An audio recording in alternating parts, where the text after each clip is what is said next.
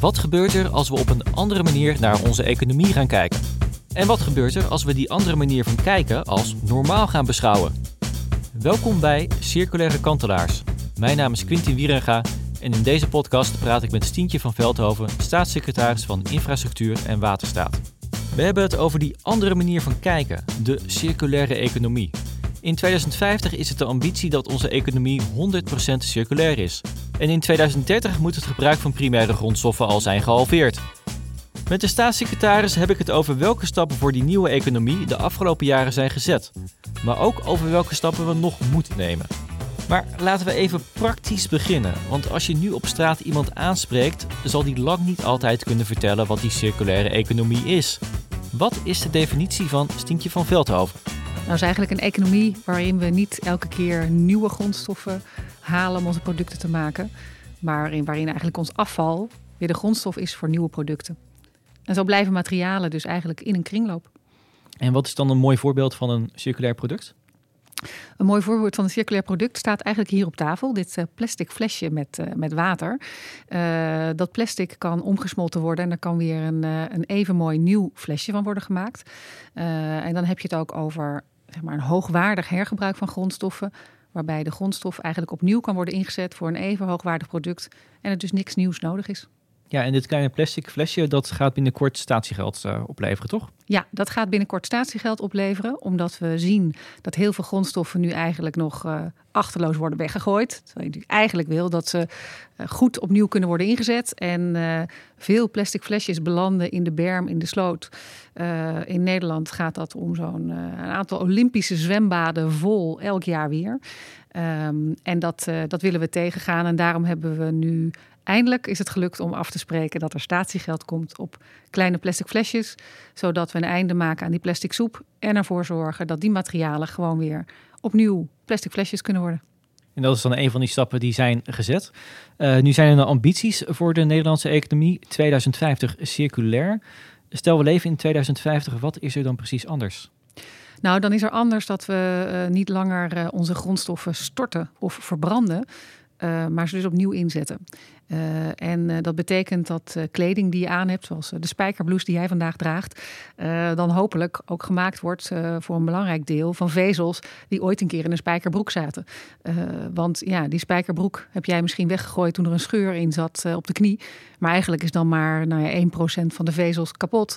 En de overige 99% is nog prima weer te gebruiken om nieuw garen van te maken. Nou, die spijkerbroek wordt dan dus vervezeld, uit elkaar gehaald, worden nieuwe draden van gemaakt en daarmee worden dan gewoon weer nieuwe kleren gemaakt.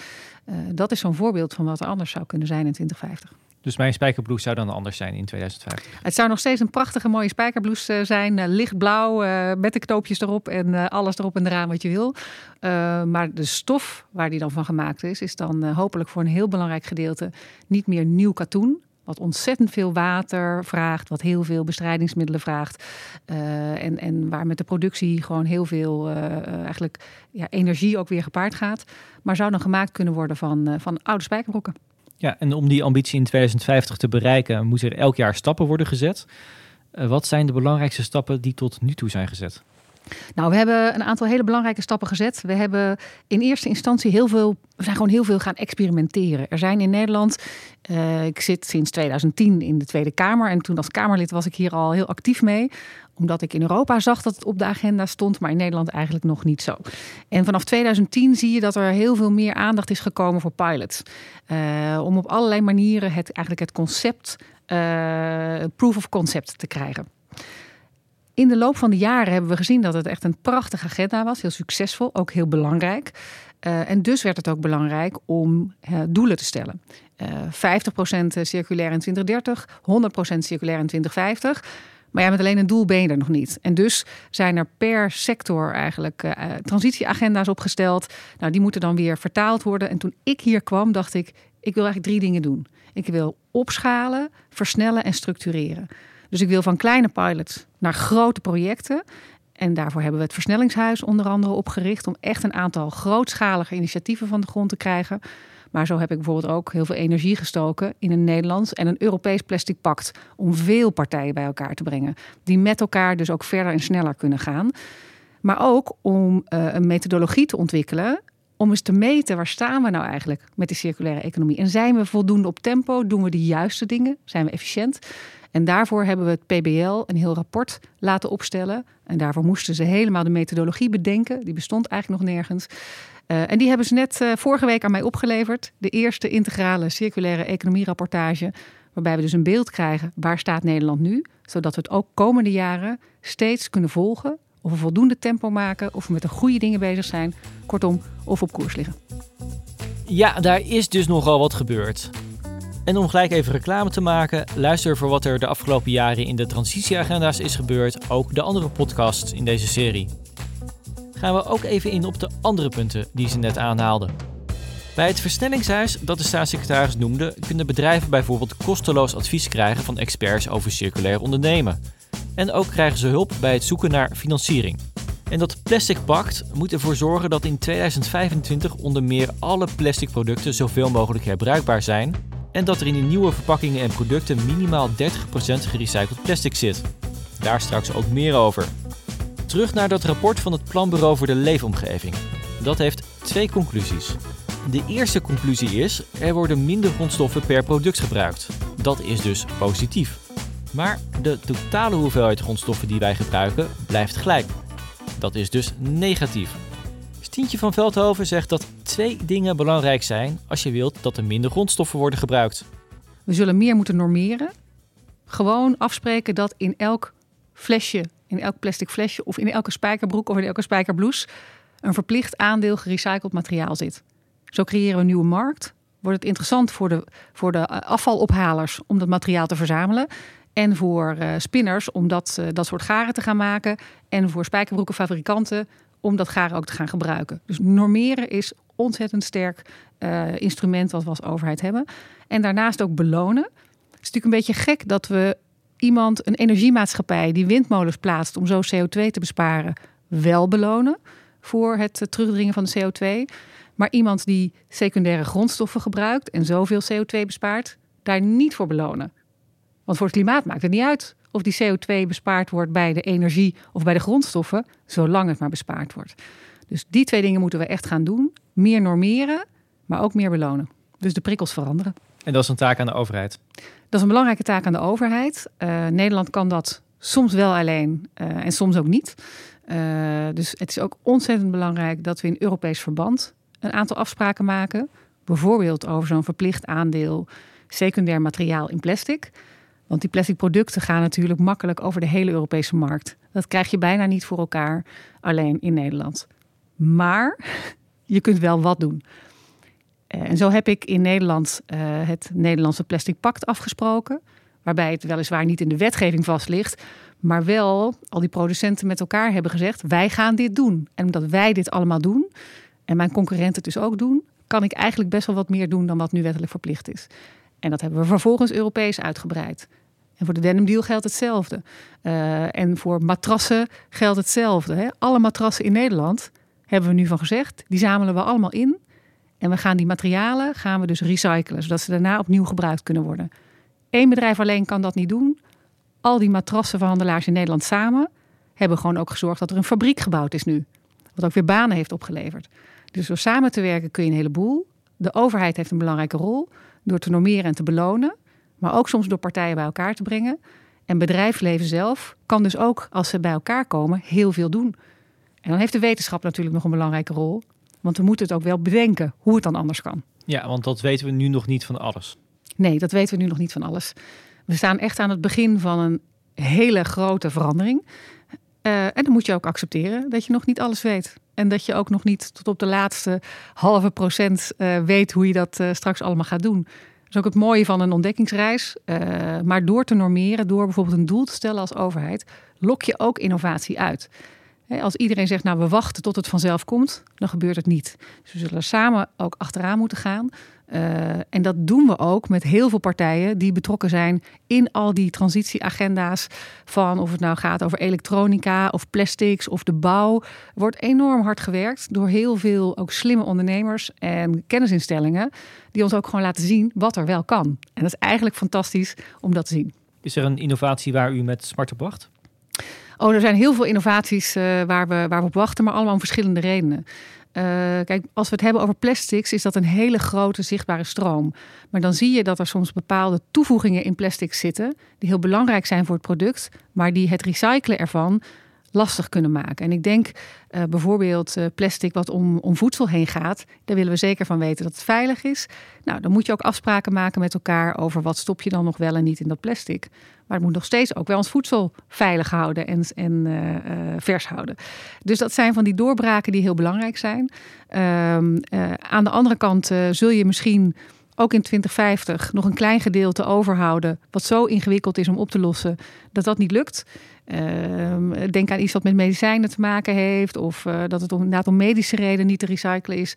Nou, dat kan ook. En daar moeten we ons dan ook niet, uh, niet blind op staren. Maar in de bulk kunnen we ontzettend veel doen.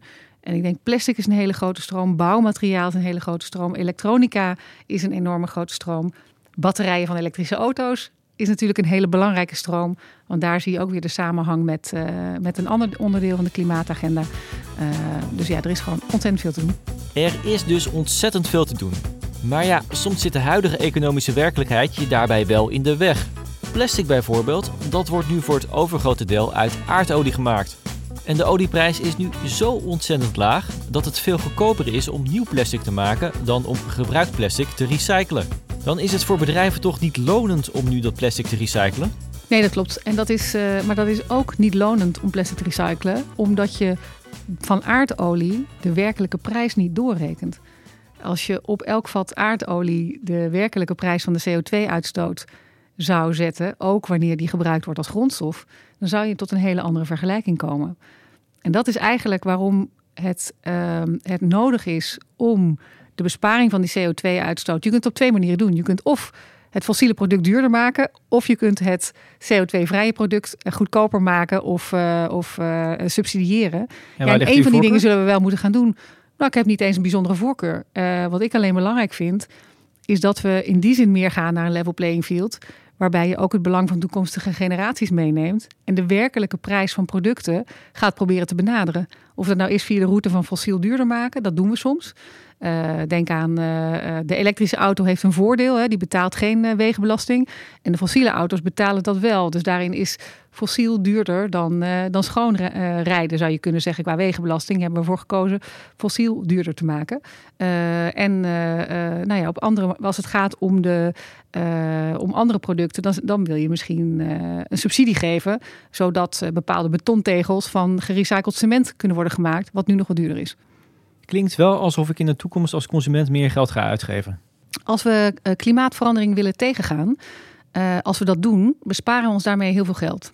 Want klimaatverandering moeten oplossen is veel duurder dan klimaatverandering voorkomen. Uh, maar elke vorm van energie heeft zijn prijs. En als jij dus kiest om die prijs door te schuiven naar de toekomst, dan wordt die ook betaald, alleen op een later moment. Uh, en het gaat er dus niet alleen om of de vraag of je een prijs wil betalen, uh, maar hoe we met elkaar die prijs die er is gaan betalen en of we kiezen voor een hoge rekening, namelijk klimaatverandering laten gebeuren met alle ellende die erachter wegkomt, of een beperktere rekening uh, door ons tijdig onze economie te veranderen, naar minder CO2-uitstoot te gaan. en het mooie van circulaire economie is, is dat iets wat eigenlijk eerst een kostenpost was, namelijk afval, daar moet je van af, daar moet je voor betalen als bedrijf. Dat je dat opnieuw in gaat zetten als grondstof. Iets wat waarde heeft, waar je waarde mee kunt creëren. En daarom is die circulaire economie ook zo'n interessante agenda. Uh, want onze economie is nu eigenlijk ontzettend inefficiënt. Uh, we, maken eigenlijk heel veel kosten voor het weggooien van, uh, van, van grondstoffen. en daarin zit dus ook een kans. Je kunt met de waarde van die grondstoffen ook weer economische groei creëren. Uh, dus het is in die zin uh, echt niet alleen een vraag van kost het iets. Het is ook een kwestie van kosten besparen en kosten anders verdelen. Ja, die grondstoffen op een betere manier inzetten. U bent nu vier jaar staatssecretaris, bent bij veel projecten uh, wezen kijken. Misschien is het moeilijk om er één project uit te vissen. Maar zou je dat toch kunnen doen? Eén project waarvan u zegt, nou ja, daar zien we echt die circulaire economie aan het werk en dat het ook echt werkt? Nou, wat ik eigenlijk wel een heel mooi project vind, en ik vind ook wel dat ze het misschien verdienen dat ik hen noem, uh, is Auping. Een familiebedrijf, meer dan 100 jaar. die echt de visie hebben gehad om vanuit zowel het voortbestaan van hun eigen bedrijf, maar ook de waarde waar zij als bedrijf voor staan, echt te gaan pionieren in het 100% recyclebaar maken van hun matrassen. Uh, en zij hebben daarin uh, dus ook de samenwerking weten te vinden met alle anderen. En daarom worden nu al die matrassen in Nederland gerecycled.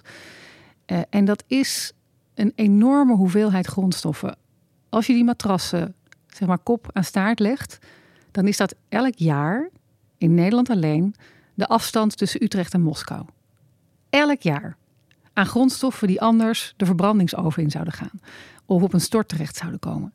En als we zoveel grondstoffen weer in de loop weten te houden, ja, dan maken we echt, echt voortgang. En dan laten we echt ook zien hoe die circulaire economie ook nieuwe economie is en ook nieuwe banen oplevert.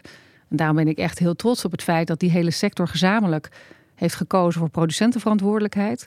Uh, en ze dus gezamenlijk ook nu letterlijk een nieuwe fabriek hebben gebouwd om tot die recycling te kunnen komen.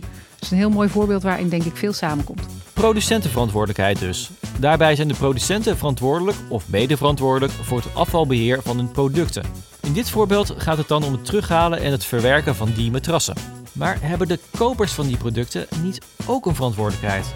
Dat zij dus zorgen voor het aanjagen van die circulaire economie door simpelweg circulaire producten te kopen. Want wij consumenten kopen natuurlijk het hele jaar door van alles en nog wat.